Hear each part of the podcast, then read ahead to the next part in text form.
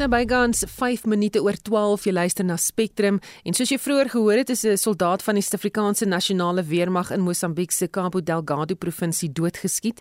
Talle ander is ook gewond na hulle in 'n lokval deur rebelle gelei is. Die soldate is deel van operasie Vikela wat ten doel het om vrede en bestendigheid terug te bring in die oorloggetuisterde gebied. Die voorval het naby Chai gebeur en ons praat nou met 'n woordvoerder van die Suid-Afrikaanse Nasionale Weermag, kolonel Louis Kerstyn. Goeiemôre Louis. Goeiemiddag. Is daar al enige nuus oor die soldate wat beseer is in die voorval? Uh die soldate wat beseer is is in 'n stabiele toestand. Hulle is op die toneel behandel.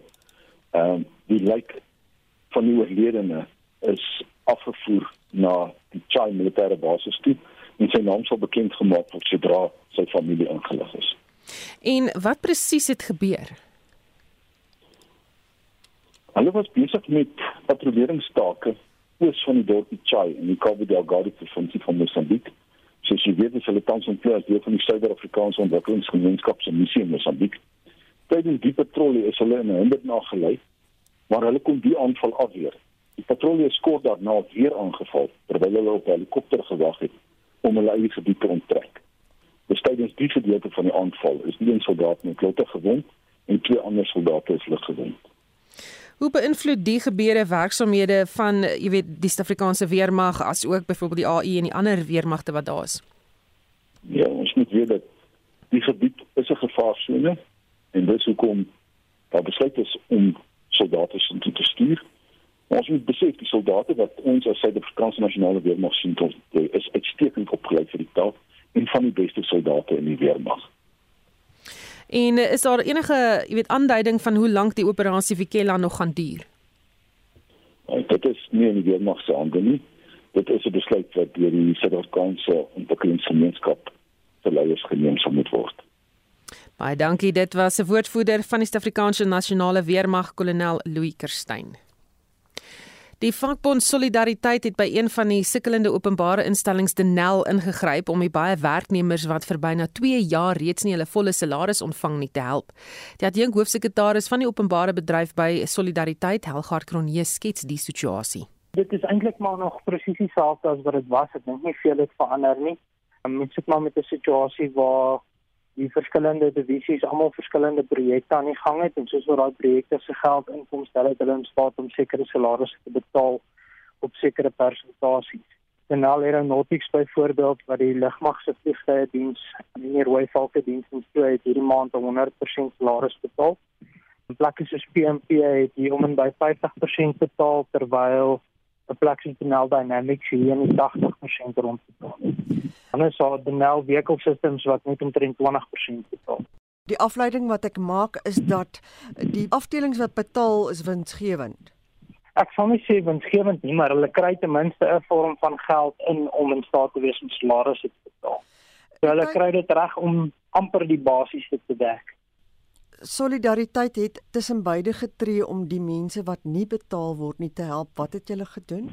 Wel, ons het in die eerste plek 'n klomp hofsaake al verwys waarvan ons al suksesvol was in sekere van die hofsaake. Denel het ons lede se gelde betaal vir die periode vanaf Mei tot Julie 2020 en dan het ons ook 'n saak verwys reeds vir die die res van die uitstaande gelde van Augustus 2020 tot en met nou basies. En daai saak was ek dink in September uitgestel en hy behoort weer hier vroeg in volgende jaar voor te kom. Dan het ons ook deur solidariteit help na hand kospakkies derentyd uitgedeel by verskillende divisies afhangend van hoe die nood was. Daar was groot skenkings gewees onlangs en ons was in staat om hier einde November, vroeg Desember by die nou OTR en dan by Vehicle Systems in die Oosrand en by Denel Dynamics in Irene ook redelike kospakkies te kan uitdeel. Helgard, wat is die langtermyn oplossing van die probleem? Daar's net een oplossing en dit is dat sekere van die divisies wat privaat partye in belang stel om te koop dat hulle wel geprivatiseer word. Daar is sulke divisies, daar is divisies wat goeie sake of besigheidsgeleenthede het en sakeplanne het. Daar is privaat partye wat belangstel. Ek dink die groot ding is dat die regering moet besluit wat hy bereid is om te verkoop en wat nie en hulle moet daai bureaukratiese wiele aan die rol kry. En intussen word baie mense nie genoeg betaal nie. Ja, dis 'n feit. Daar's 'n klomp werknemers wat al byvoorbeeld met pensioen moes gaan omdat hulle net dit eenvoudig nie meer spaargeld het om van te lewe nie sodat hulle van hulle pensioengeld kan begin leef. Dit is maar 'n tipe van 'n laaste opsie vir baie van hulle die wat dan nou nie ander werk kan kry nie en dan is daar die wat nog net dit eenvoudig die jonk is nie met pensioen kan gaan nie en wat nie ander werk kry nie wat eintlik maar net daar vassit en nie salaris kry nie. Lei my asseblief, wat word van die pensioenfonds? Maak Danel nog 'n bydrae?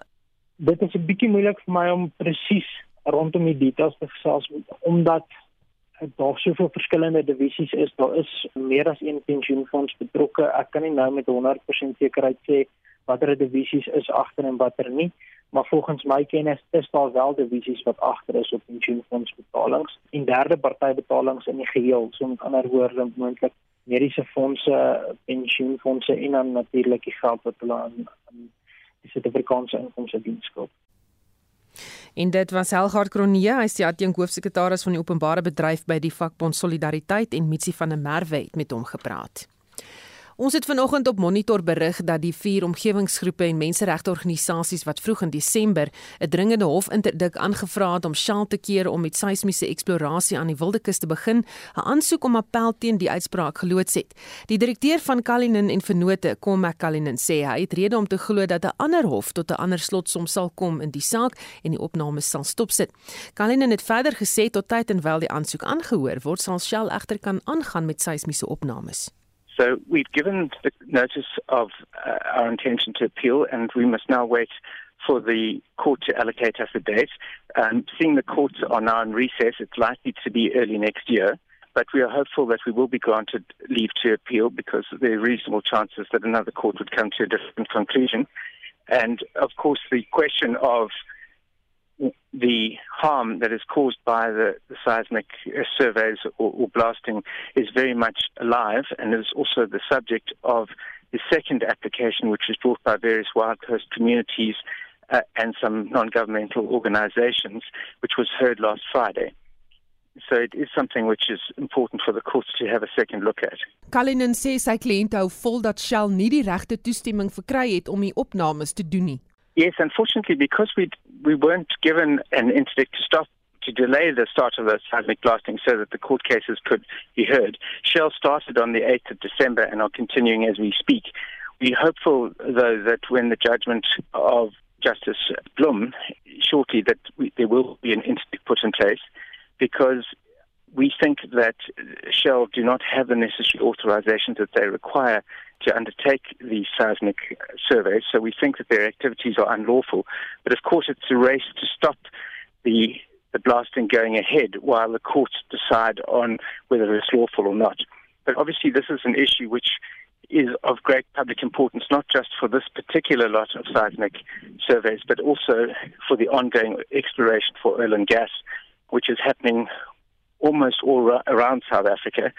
And we also are concerned that uh, we think that it's misguided to be looking for more oil and gas when we know that we can't burn more than 40% of existing proven reserves without causing catastrophic climate change. So we say that it's nonsensical to look for more when you can't even burn what we found without imperiling life on Earth. En dit was die direkteur van Kalinin en Vennote Komak Kalinin. Kritiek neem toe teen die minister van hoër onderwys Dr Blyden Semandi se besluit dat die taalbeleidsraamwerk vir tersiêre onderrig onveranderd gelaat word. Semandi se optrede word deur die uitvoerende voorsitter van die Dank netwerk, Dani van Wyk, as tipies kommunisties bestempel. En ons praat nou met hom. Goeiemôre Dani. Goeiemiddag Susan, goeiemiddag aan die luisteraars. Waarom die verwysing na Semandi se rol as SHKP sekretaris-generaal? Ehm um, Susan, ons moet onthou dat dat Dr. Blydense Mande is 'n aardskommunis en hy dien 'n uitgediende kommunistiese beleid wat oral in die wêreld al gefaal het. En wat die onderwys betref, is dit ideologies gedrewe en deur die aan uitvaardiging vir die implementering van hierdie edik, dit noem ons dit 'n edik, slaag hy daarin om Afrikaans as 'n hoogs ontwikkelde wetenskapstaal te reduseer tot nul en geen waarde. Uh daarom het ons 'n ernstige krisis met die wyse waarop die minister met so 'n sensitiewe saak soos 'n taal omgaan. En in hierdie proses maak hy van Afrikaans wat 'n 'n hoogs ontwikkelde akademiese taal is, maak hy van ons taal 'n weggooi taal en reduseer hy die taal tot tot nul. Dit is waarom ons hierdie krisis met hom het. Beskou jy Nsimandi se besluit as 'n afjak vir die historiese agtergestelde Afrikaanssprekendes? Ek ek beskou dit in daai lig. Ek ek sou verder sê dat hy geen respek vir ons het nie. Dat hy dat hy besluite neem om ons te benadeel en dat hy op hierdie wyse uh teenoor ons diskrimineer. Hy slaag daarin om ons te vervreem en uh ons nie deel van die groter Suid-Afrika te maak nie. Ehm um, dit is net weer eens word ons nie as belangrik beskou nie en uh en ons voel hierdie optrede deur die minister is 'n skending van ons basiese menseregte Susan. My saam met Dr Anne Marie Bekes van die Suid-Afrikaanse Akademie vir Wetenskap en Kuns dat Nsimandi deur sy optrede ook Afrikaanse rol as akademiese taal bedreig. Ek deel professor Anne Marie Bekes se se siening. Die implementering van die taalbeleid of die taalbeleidsraamwerk van die departement van onderwys gaan Afrikaans 'n geweldige slag doen op die lang termyn. En uh, dit gaan nie net gevolge inhou vir universiteite nie of vir hoër onderwys nie, maar ook vir skole, Afrikaanse skole. En uh, dit is waarom ons voel dat Afrikaans gaan totaal uh, uh of die Afrikaanse gemeenskap gaan totaal verarm word deur die implementering van hierdie beleid van die departement van hoër onderwys en opleiding. President Cyril Ramaphosa het onderneem dat daar oorleg gepleeg moet word oor sensitiewe kwessies soos taal en kultuur. Hoe nou vorentoe as Nsimandi met die beleidsraamwerk voortgaan? Ons het so onlangs soos gister het ons 'n brief aan die staatspresident gerig aan president Ramaphosa waarin ons hom baie duidelik ons ons uh uh, uh, uh die, die ons aan hom uitgespreek het ons ongelukkigheid en ook in geen onduidelike terme gevra dat minister Nzimande vervang moet word want hy is tot geen voordeel vir die vir die Afrikaanse gemeenskap of dan Suid-Afrikaanse gemeenskap in die, in die algemeen. En ons sou baie graag wil weet wat is president Ramaphosa se siening rondom hierdie beleid wat dan nou so driftig deur die minister van hoër onderwys en opleiding gepropageer word en geïmplementeer word. Uh so ons doen 'n beroep op die op, op die op die president op die stadium om uh, in te gryp en dan 'n geleentheid te gee dat mense werklik kan uh konsulteer rondom hierdie besluit en dan tot een of ander aanvaarbare besluit te kom en nie net hier 'n besluit op ons afgedwing word soos tans deur die minister gedoen word nie Susan. Baie dankie. Dit was Dani van Wyk, hy is die uitvoerende voorsteur van die Dak netwerk. Die Universiteit van Wes-Kaap sê hy neem kennis van berigte dat uitsettings op sy kampus plaasvind en het die beweringe heftig ontken. Die woordvoerder van die universiteit, Gasant Abarder, stel die tersiêre instelling se kant van die saak. We wish to place on record that there are no evictions at UWC and no such decision was ever taken. The individuals who applied for vacation accommodation have been provided with alternative private accommodation spaces until the university residences reopen at the beginning of 2022. The decision to vacate residences was taken after a lengthy discussion with the vacation occupiers, and the provision of alternative private accommodation was always part of these discussions. The alternative accommodation provides a good quality living environment that is close to amenities.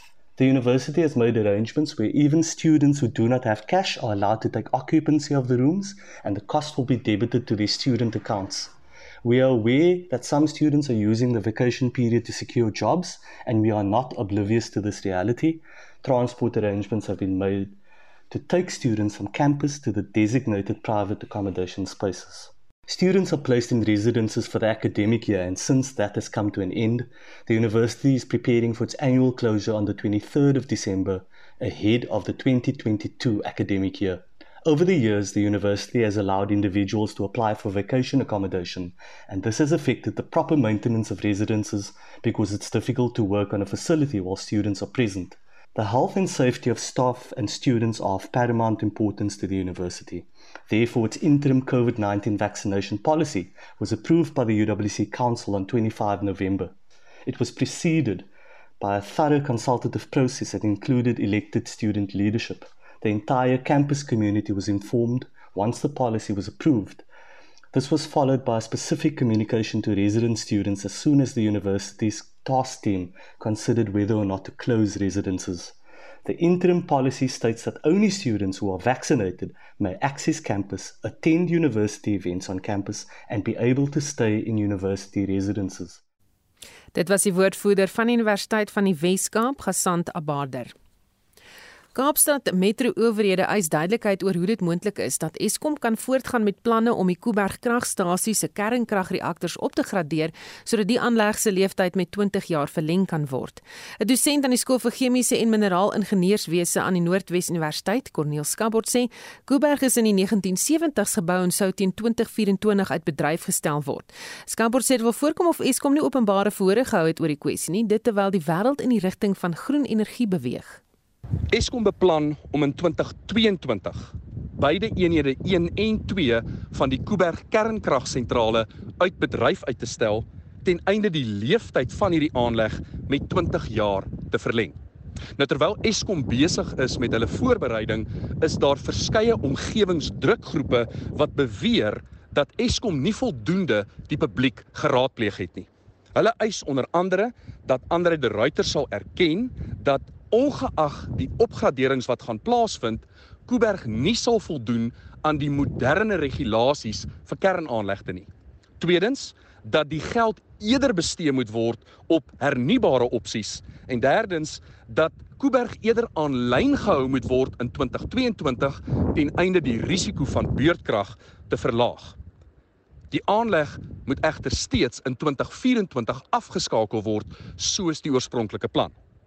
In reaksie hierop het Eskom gesê dat hulle voldoen aan al die vereistes van die nasionale kernreguleerder en dat hulle in die beste belang van Eskom en Suid-Afrika optree. Dit was 'n dosent aan die skool vir chemiese en mineraalingenieurswese aan die Noordwes Universiteit, Corneel Skambort. Hy praat môreoggend in Monitor meer in diepte oor die kwessie, so skakel intussen 6 en 8. Terwyl lewensonkoste en basiese benodighede soos kos en brandstofuitgawes aanhou styg, het die opgradering van sekuriteit byna 'n luukse geword. Boonop bring beerdkrag ekstra vrees omdat elektriese omheinings en alarms gedeaktiveer kan word. Esie de Klerk het gaan uitvind wat jy hierdie kersseisoen moet doen om ekstra paraat te wees om die weg te hou. Sekuriteitsmaatskappye kan met die druk van 'n knoppie uitgeroep word om ondersoek in te stel wanneer iets verdag is. Maar hoe weet 'n mens dat die sekuriteitsmaatskappy wat jy gekies het, die regte een is? Suid-Afrika het 12500 geregistreerde sekuriteitsmaatskappye en 2.5 miljoen geregistreerde sekuriteitsbeamptes. Shaal Jacobs is die bestuurshoof van die sekuriteitsdienste en gewapende reaksie-eenheid groep, die Pangela groep, wat in Suid-Afrika en Namibië deur groot maatskappye gekontrakteer word.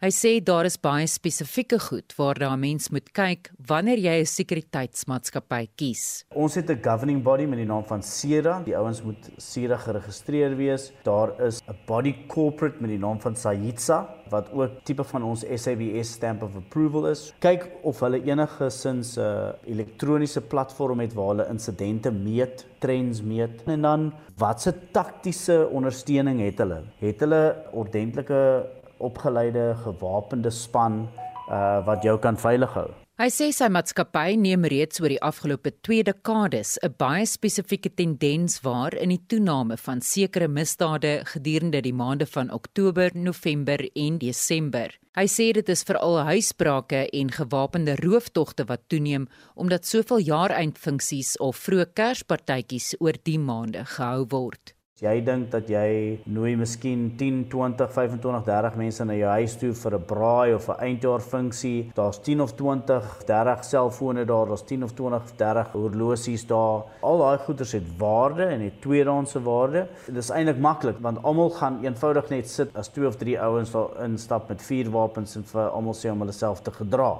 Wees bewus van waar jy jou funksies reël, hoe jy jou funksies reël en doen nie verantwoordelike ding as jy 10 of 15 couples daar het om elk 50 of 150 rand in te samel om sekuriteit daar te hê vir die aand, dis nie moeite werd.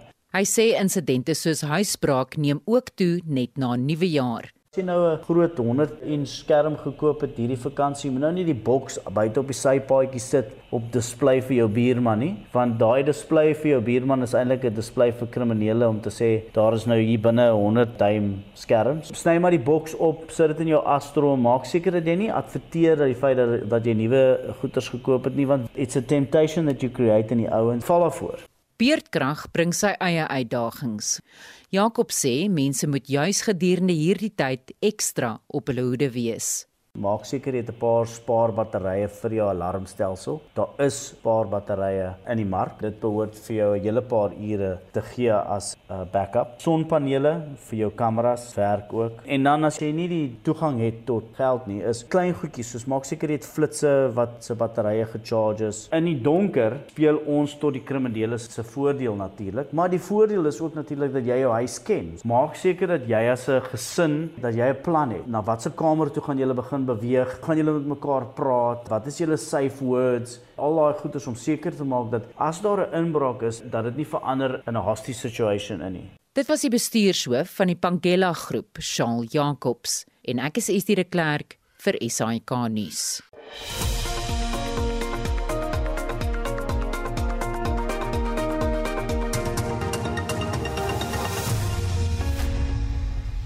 27 minute oor 12. Die toerismebedryf is optimisties dat die bedryf tekens van herstel toon die feesgety na die impak van die COVID-19 pandemie die afgelope 2 jaar. Die KwaZulu-Natal se voorsitter van Fedasa, Brett Tangai, sê ondanks die vierde vlaag van die virus is hotelle en bed en ontbytverblyf gemiddeld 80 na 90% vol bespreek. Jamie Verhoef het meer besonderhede. Durban is een van die mees gewildste somervakansiebestemmings in die land en al het Brittanje die reisverbod opgehef na die identifisering van die Omicron variant, is daar talle internasionale toeriste wat hulle planne moes kanselleer. Die KwaZulu-Natal se voorsitter van Fedasa, Brett Tungay, sê die impak hiervan is enorm.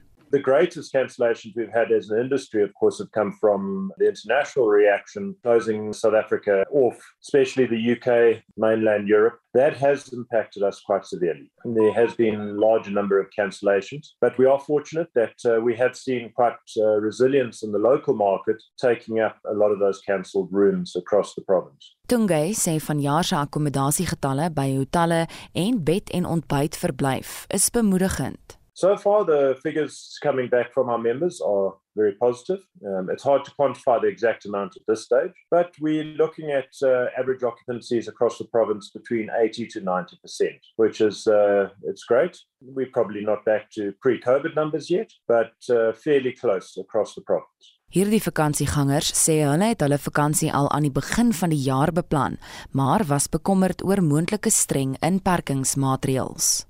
It, it's a discount because eh, we've been here for five days, so everything is fine.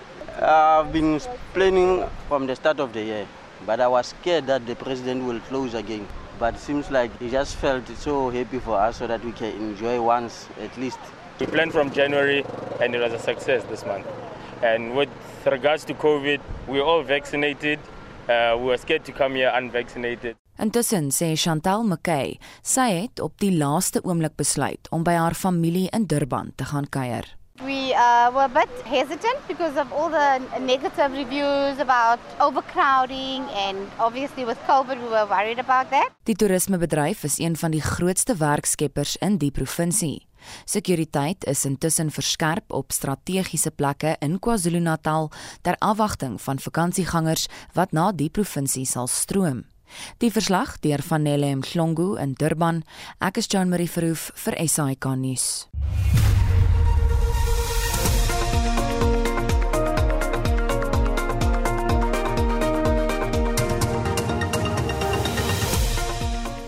In die program die minister van vervoer Fikile Mbalula maak die tussentydse statistieke oor padsterftes bekend. We have seen a 142% spike in crashes with multiple fatalities. Die adjunk hoofregter Raymond Zondo vra vir nog 'n uitstel uh, van die werk van die kommissie of om die werk van die kommissie af te handel. En verkeersvolume sal na verwagting in die komende dae voor Kersfees weer begin toeneem. Bly ingeskakel.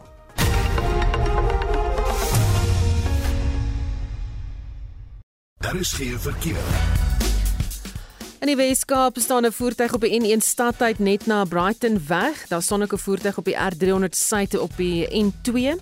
Dan het ons eie Jacques Arend laat weet dat die N2 inkomend vanaf Blouwater Baai rigting Port Elizabeth beweeg die verkeer baie stadig en uh, dis nou ek het vir my seker maar as gevolg van die vakansiegangers wat daar is. En uh, dan uh, ja, daar's nog verkeersnuus uh, in die rigting van uh, die Weskaap, soos verkeer na of die uh, Kersfees nader kry, gaan die verkeer toeneem en vir meer oor hoe sake lyk op die N1 in die Weskaap praat ons nou met die provinsiale kommunikasiehoof van die departement van vervoer Jandrey Bakker. Goeiemôre Jandrey. Goeiemôre Susan.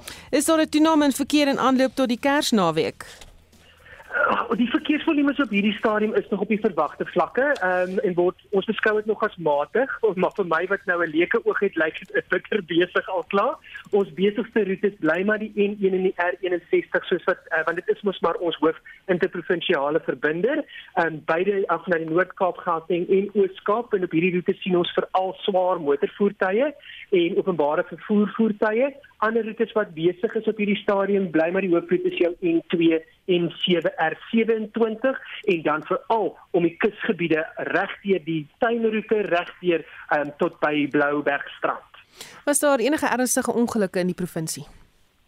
Die um, daar was 'n paar gewees. Uh, die nasionale minister het vanoggend statistiek bekend gemaak oor hoe die paaie tot op hierdie stadium lyk en ons ons vra dat mense net asseblief die statistiek in konteks moet sien. So as 'n mens gaan kyk dat daar meer ongeluk, uh, meer botsings op ons paaie was en meer sterftes was in vergelyking met verlede jaar, moet ons onthou dat verlede jaar was dit vir al jou kusprovinsies en jou kusstreke wat ehm um, geïmpak uh, impak gehad het van die uh alert levels as jy so in Engels dan mag verwys en sowel as strandsluiting so minder mense daardie areas besoek so jou verkeersvolume was laer. Hierdie jaar sien ons wel baie hoër verkeersvolume as verlede jaar maar dit is mos nou van selfsprekend want ouens wil vakansie hou en as daar meer verkeer op die pad is is die waarskynlikheid vir groot ehm um, vir meer botsings natuurlik daar.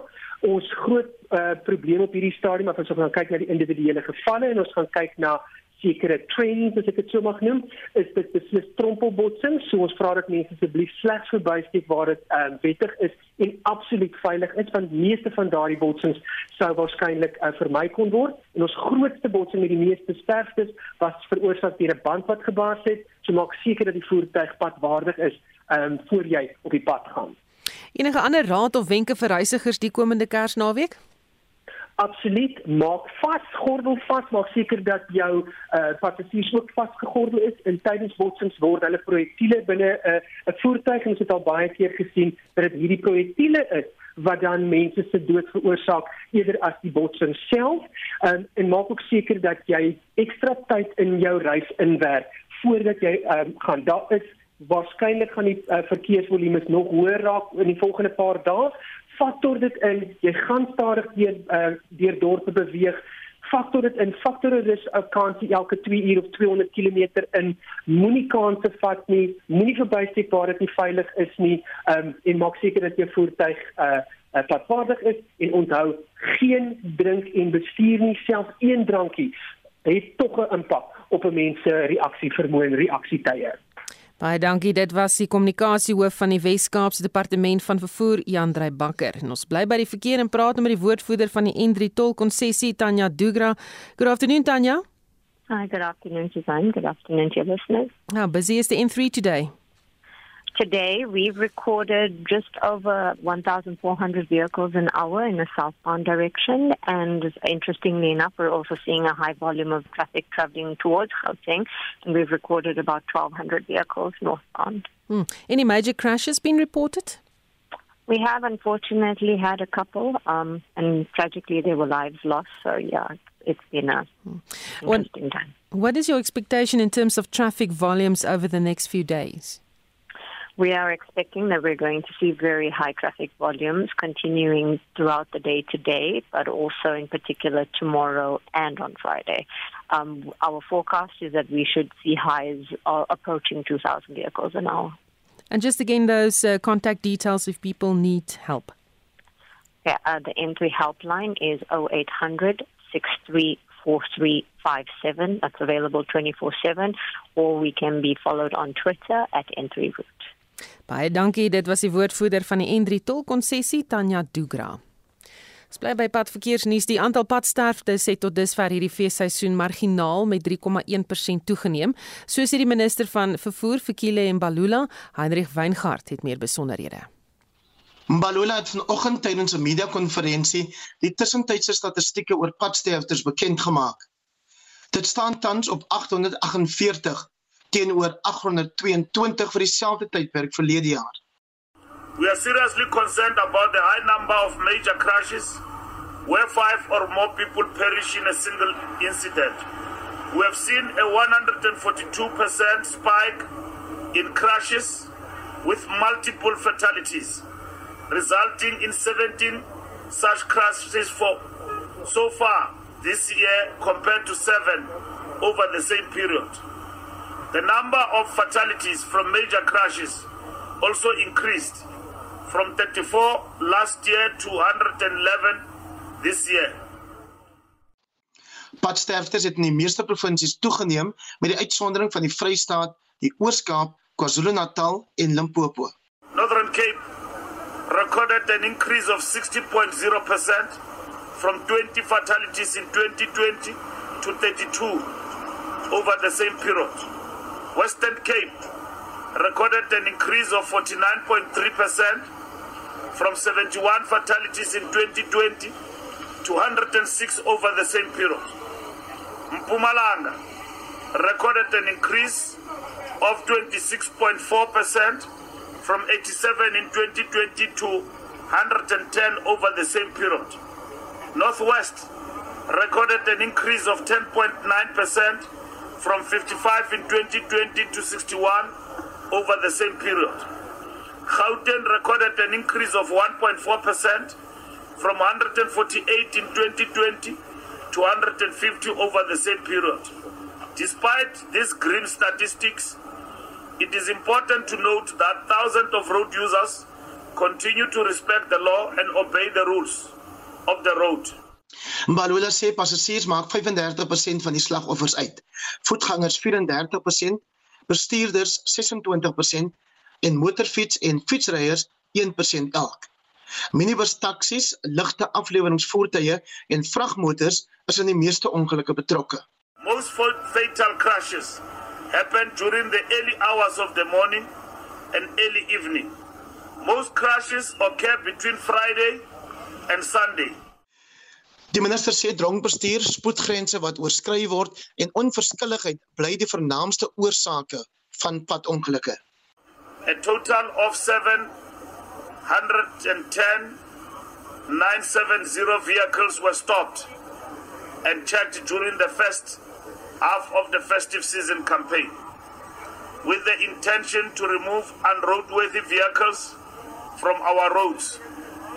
A total of 1,561 vehicles were discontinued, 1,820 impounded, 2,639 drivers were arrested for various offenses, ranging from drunken driving to excessive speeding and operating vehicles without a driving license. Twee van die ergste oortreders, een vir spoed, die ander vir dronkbestuur, is reeds vasgekeer.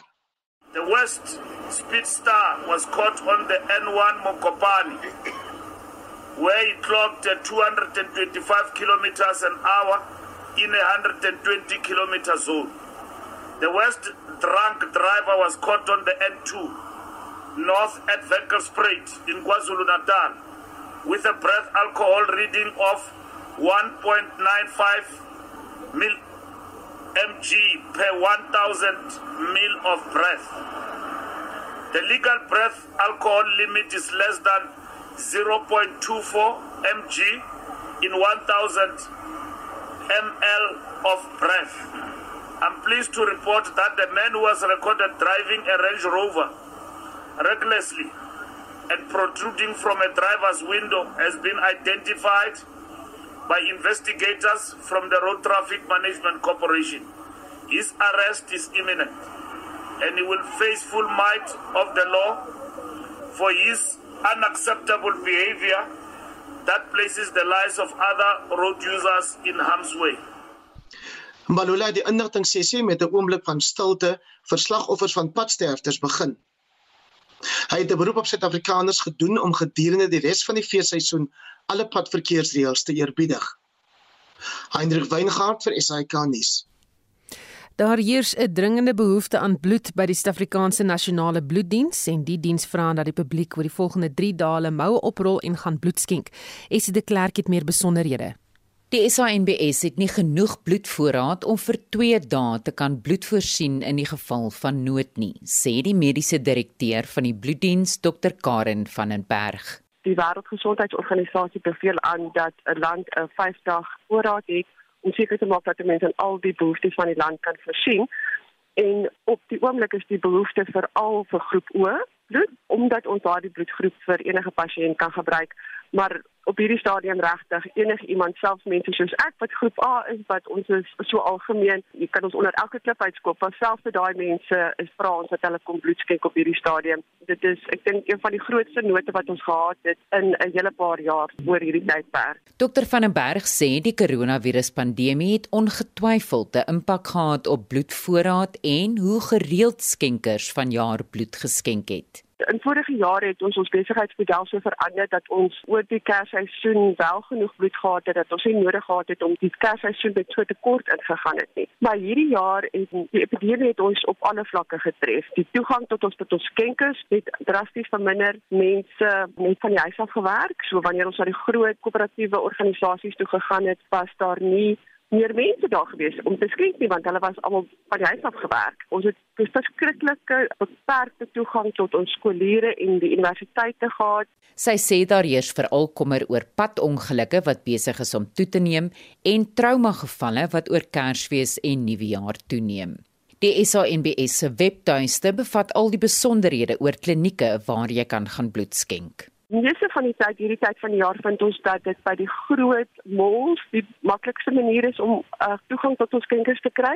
Ons gewone klinieke waar ons altyd is, is ook oop en oor hierdie tydperk maak ons ook seker dat ons vroeër begin en laat eindig sodat mense enige tyd wat vir hulle pas kan sien waar hulle kan kom skenk. Dit was die mediese direkteur van die Suid-Afrikaanse Nasionale Bloeddiens, Dr Karen van den Berg, en ek is Estie de Klerk vir SAK nuus. Adjunk hoofregter Raymond Zondo het weer vir uitstel gevra om die werk van die kommissie af te handel.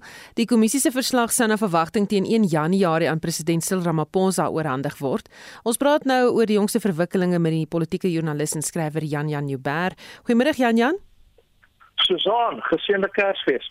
Dankie vir jou ook en dalk 'n voorspoedige nuwe jaar. Dis ook sommer om die draai terwyl die jaar ons inhaal. Was jy hierdie versoek te wagte? Ja, ehm um, hulle het maar laat gelos? Nee. Ehm um, vir die versoek het drie dele.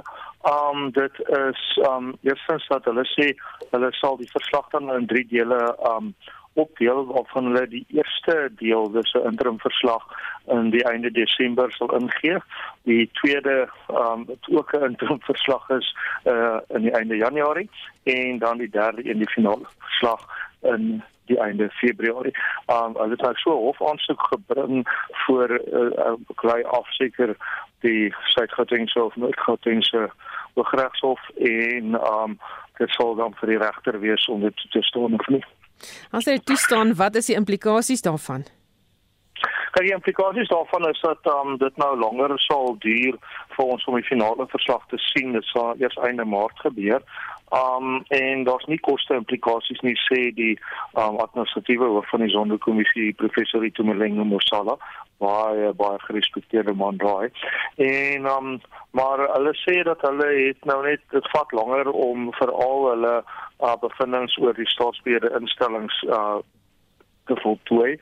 Dit is maar ingewikkeld. Ek het ook al op baie goed gewerk en regtig soos aan, jy weet, mense kan nou seker maak soos wat uh, mense maak as jy 'n uh, verkeersnoop sit en jou kind is 10 jaar oud en jou kind sê pappa man ons nou daar kom. En jy sê maar ek kan ek kan niks aan doen nie. Um, jy weet ek moet ordentlik ry en so voort en dis wat regter sonder nou doen. Ek moet jou sê dit is baie laat. Al het gister die um, verklaring uitgereik. Dit sê met ander woorde dan op die 21ste Desember is 9 dae voor 10 dae voor dit moes inwees So dis 'n bietjie laat, maar daar staan hy nou en ons nou kyk of die hof dit toestaan en of enige iemand dit teenstaan. Um dan ek dink iemand sou teenstaan en ek dink die hof sal dit toestaan, want dit is tog van landsbelang. dat um, dit 'n ordentlike verslag is. Nou soos jy gesê het, daar's geen bykomende koste nie, so sê die kommissie, maar wat het dit die belastingbetaler reeds gekos? Jogg, ek weet nie nou daai daai syfer by my nie, maar dit is 'n uh, hoop geld. Nou um yes, uh, daar is ook baie mense insluit met die EFF en Zuma ondersteuners en baie mense wat vreeslike lang weergawe is van ek het dit nie gedoen nie uh voor die sondekommissie afgelê. Um jy weet mos as wat hulle sê jy almal so sondekommissie um is uh, getuienis binne een sin kan kan vasvat is was hy ek. Goed, so maar dit vat langer om dit te doen en daai mense wie klaar vreeslik oor die kostes. Die vraag natuurlik is wat sou die koste vir die land gewees het as die sondekommissie nie gesit het nie. En ek dink die koste sou astronomies gewees het want hier was dan vir jou 'n gesteelery aan die gang wat dit snaaks is hier. Kan ons jy het jy aangeraak, maar kan ons vertrou dat die verslag duidelik en geloofwaardig sal wees oor wie vir staatskaping verantwoordelik was? Ja, jongens, ehm um, verstaan, dis mos nie ek of jy wat hom opstel, dis ons kan so hoop, maar die enigste man wat dit op die ou end gaan weet is regter Zondo en dit sal sekerlik na sy mening vir die tastend moontlik wees. Nou kan jy nog 'n ding verseker, klomp mense gaan maak nie saak wat hy bevind nie, sekere dele van die verslag verwelkom en ander dele nie verwelkom nie. Die probleem is en dis wat mense nie verstaan nie en ehm um, dit voels wat my so moeg maak van nie net politieke partye nie, maar ook die kreatie en die kleetie is dat um regters se werk is om oor moeilike goed bevindinge te maak. Dis waarvoor hulle betaal word. En dis wat regters onder nou doen.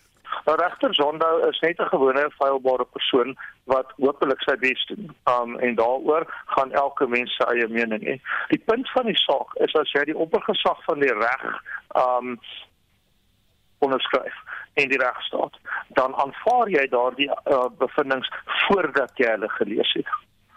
Nou ja, ehm um, dit is 'n baie eenvoudige beginsel, maar dit is 'n moeilike een en is een wat geen een van ons belangrike politieke partye in hierdie stadium meer die vermoë het om te doen. Daar was 'n tyd dat die voorgangers van die DA dit kon doen. Daai tyd is nou nie meer vir die DA daar nie. Aan die regterkant en linkerkant van die DA was daar nog nooit uiterlike geneigtheid om dit te doen nie.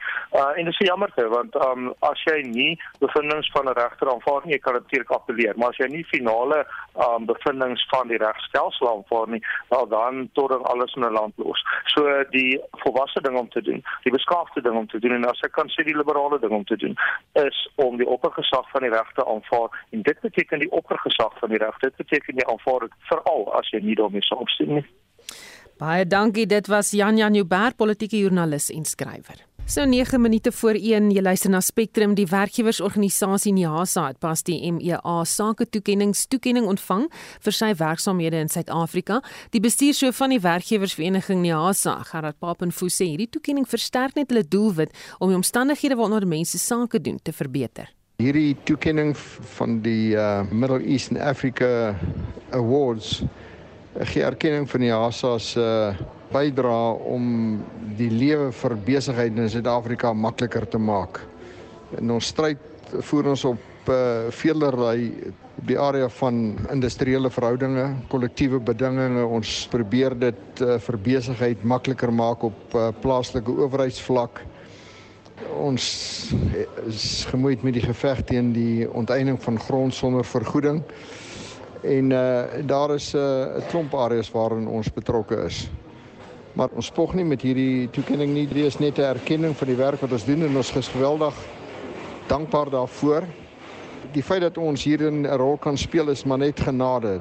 En dan moet ek uh eer bring aan ons personeel. Ja, ons het 'n fenominale personeelkorps. Elke een sonder uitsondering is van hoogstaande gehalte en sonder daardie toewyding sou dit nie plaasgevind het nie. So Maar hierdie is net die begin. Ons moet daarop uh, voortbou. Ons moet dit nog beter maak. Hierdie is net 'n begin. Nogmaals dankie en 'n uh, geseënde Kersfees vir jou en die RSG personeel Susan en 'n wonderlike 2022 vir julle. Baie dankie. Dit was die bestuurshoof van die werkgewersvereniging NIASA, Gerard Papenfoos. Vandag se sake nuus word aangebied deur Robert Cameron, portefeuljebestuurder by Fisher Dugmore Sekuriteite. Goeiemiddag Robert. Goeiemôre Suzan, goeiemôre luisteraars. Ons plaaslike mark is sterker vandag. Die indeks vir alle, alle aandele is nou positief met so 0,45%, 320 punte. Hy staan tans op 71440 punte. Dan die top 40 indeks is sterker met so 0,45%. Die Nasdaq indeks is beter met so 0,3%. Uh die nou skiet tog in Albron index is beter 0,3%, die Nasdaq index op met 0,6% en die finansiële index is op met 0,4. Uh ons kyk na enkele aandele, Naspers sterker met 1,4% 2300 uh 93 rand Sasol sterk 1,1% R254.80 Aspen op met 1,7% uh, R223.80 en British American Tobacco swakker vandag met so 1,3% op R582.70 Die rand is sterker rondom 0,3% uh, R15.89 teenoor die Amerikaanse dollar R17.95 teenoor die euro. En 'n Britse pond kos dit tans R21 14 sent. Kommoditeite, die goudprys 1791 dollar per fyn ons. Platinum is op uh, 942 dollar en dan die Brentolieprys stewig se 0,3% na 74 dollar 20 per vatjie. Dan internasionaal sien ons oornag het die Dow Jones versterk met so 0,6% dan die groot Europese markte er eintlik redelik lusteloos uh, op hierdie stadium die FTSE 100 in Londen onveranderd die DAX in Frankfurt sterker met 0,1% en die CAC 40 in prys is op met so 0,2%. Baie dankie en dan geseënde Kersfees ook aan um, al die luisteraars. Baie dankie Robert, dit was die portefeuljebestuurder by Fisher Dugmore Sekuriteite Robert Cameron.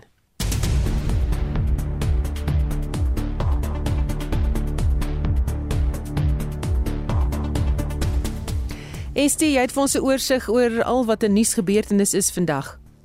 Ja, Susan, 'n Suid-Afrikaanse nasionale weermagsoldaat is gister in Mosambiek se Cabo Delgado provinsie doodgeskiet en talle ander is ook gewond nadat hulle in 'n lokval gelei is. Die soldate is ontplooi as deel van operasie Wekela wat ten doel het om vrede en stabiliteit na die oorloggetuistere gebied te bring. Ons het by woordvoerder van die weermag, kolonel Louis Kerstyn, uitgevind hoe dit gaan met die soldate wat beseer is soldate wat beseer is, is in 'n stabiele toestand. Hulle is op die toneel behandel. Die lijk van die oorledene is afgevoer na die Chai militêre basis toe en sy naam sal bekend gemaak word sodra sy familie ingelig is. Die gebied is 'n gevaarsone en dit sou kom by besluit is om soldate in te stuur. Ons moet besef die soldate wat ons as Suid-Afrikaanse nasionale weermag sien, is uitstekend opgeleid vir die taak en van die beste soldate in die weermag. Die vakbond Solidariteit het ingegryp by Denel waar sommige werknemers al byna 2 jaar lank nie meer hulle volle salarisse ontvang nie. Solidariteit se hoofsekretaris Helgard Cronje sê hoewel daar by sommige afdelings van Denel wel salarisse betaal word, moes Solidariteit wel by ander afdelings ingryp. Denel het ons lede se gelde betaal vir die periode van Mei tot Julie 2020 en dan het ons ook 'n saak verwys reeds vir die die res van die uitstaande gelde van Augustus 2020 tot en met nou basies. Dan het ons ook deur solidariteit help na hand kospakkies derentyd uitgedeel by verskillende divisies afhangend van hoe die nood was. Kritiek neem toe teen die minister van hoër onderwys Dr Blyden se Mandi se besluit dat die taalbeleidsraamwerk vir tersiêre onderrig onveranderd gelaat moet word. Die uitvoerende voorsitter van die taknetwerk, Dani van Wyk, beskou dit as kommunisties. Wat die onderwys betref, is dit ideologies gedrewe en deur die uitvaardiging vir die implementering van hierdie edik slaag dit daarin om Afrikaans as 'n hoogs ontwikkelde wetenskapstaal te reduseer tot nul en geen waarde. Daarom het ons 'n ernstige krisis met die wyse waarop die minister met so 'n sensitiewe saak soos 'n taal omgaan. In die Suid-Afrikaanse Nasionale Bloeddiens sê daar heers 'n groot bloedtekort voorraad en die en uh, eh, SANBS se mediese direkteur Dr Karen van Berg het mense aangemoedig om oor die volgende 3 dae voor die Kersnaweek aanbreek te gaan bloed skenk. Die Wêreldgesondheidsorganisasie beveel aan dat 'n land 'n 5 dag voorraad het om seker te maak dat mense al die behoeftes van die land kan voorsien. En op die oomblik is die behoefte veral vir groep O En die Nasionale Instituut vir Oordraagbare Siektes sê dit blyk dat Gauteng sy piek van die 4de vlaag van die koronavirus bereik het en dat infeksiegetalle stadig besig is om af te plat. Die Wes-Kaap is egter steeds stewig in die greep van die 4de vlaag vasgevang. Dan 'n mondelinge getuienis is gister afgehandel in die tugverhoor van die SAIK se nuushoof Patisa Patiswa Makopeni um, se tugverhoor en skriftelike slotbetoog is vandag ingedien. Die voorsittende beampte sal na verwagting môre sy uitspraak lewer. En in Monitor môreoggend kyk ons na owerhede in Kaapstad wat duidelikheid eis oor hoe dit moontlik is dat Eskom kan voortgaan met planne om die Kuiberg kragstasie se kernkragreaktors op te gradeer sodat die aanleg se lewensduur met 20 jaar verleng kan word. En dit was Estie wat vir ons die nuus en ontwikkelende stories dopgehou het. Net so voor ons groet iemand wil weet hier op die eh, SMS lyn of wat aangaan op KwaZulu-Natal naby Pietermaritzburg. Die verkeer staan al uh, doodstil op die snelweg vir 40 minute en die persoon tik dit in hoofletters. Ehm um, as ek sover ek kan agterkom was daar 'n botsing gewees net voor Hilton Laan. Ek's nie seker of dit die verkeer beïnvloed nie. Dis so wat 'n uur gelede. Drie bane is gesluit. Dit mag dalk uh, wees hoekom daar 'n probleem is. En dan het nog 'n luisteraar wat sê ek wil 'n voorstel maak dat agterop vragmotors se kennisgewing aangebring moet word om te wys hoe lank hierdie vragmotors is. Ek het uh, van die Parel afgery en uh, gister teruggekom en uh, dit het ek agterkom en dat dit van groot hulp sal wees. Vragmotorbestuurders het my as vrou baie gehelp om verby te kom, maar uh, die voorafgaande vragmotors wat so bymekaar gery het en verby mekaar gery het, het gemaak dat sy nie lekker bestuur het nie. So daar's 'n 'n um, voorstel daaroor. daarmee groet die Spectrum span. My naam is Susan Paxton. Geniet jou middag.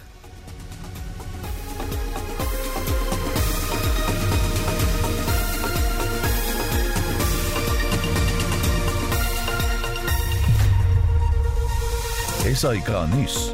Onafhanklik, onpartydig.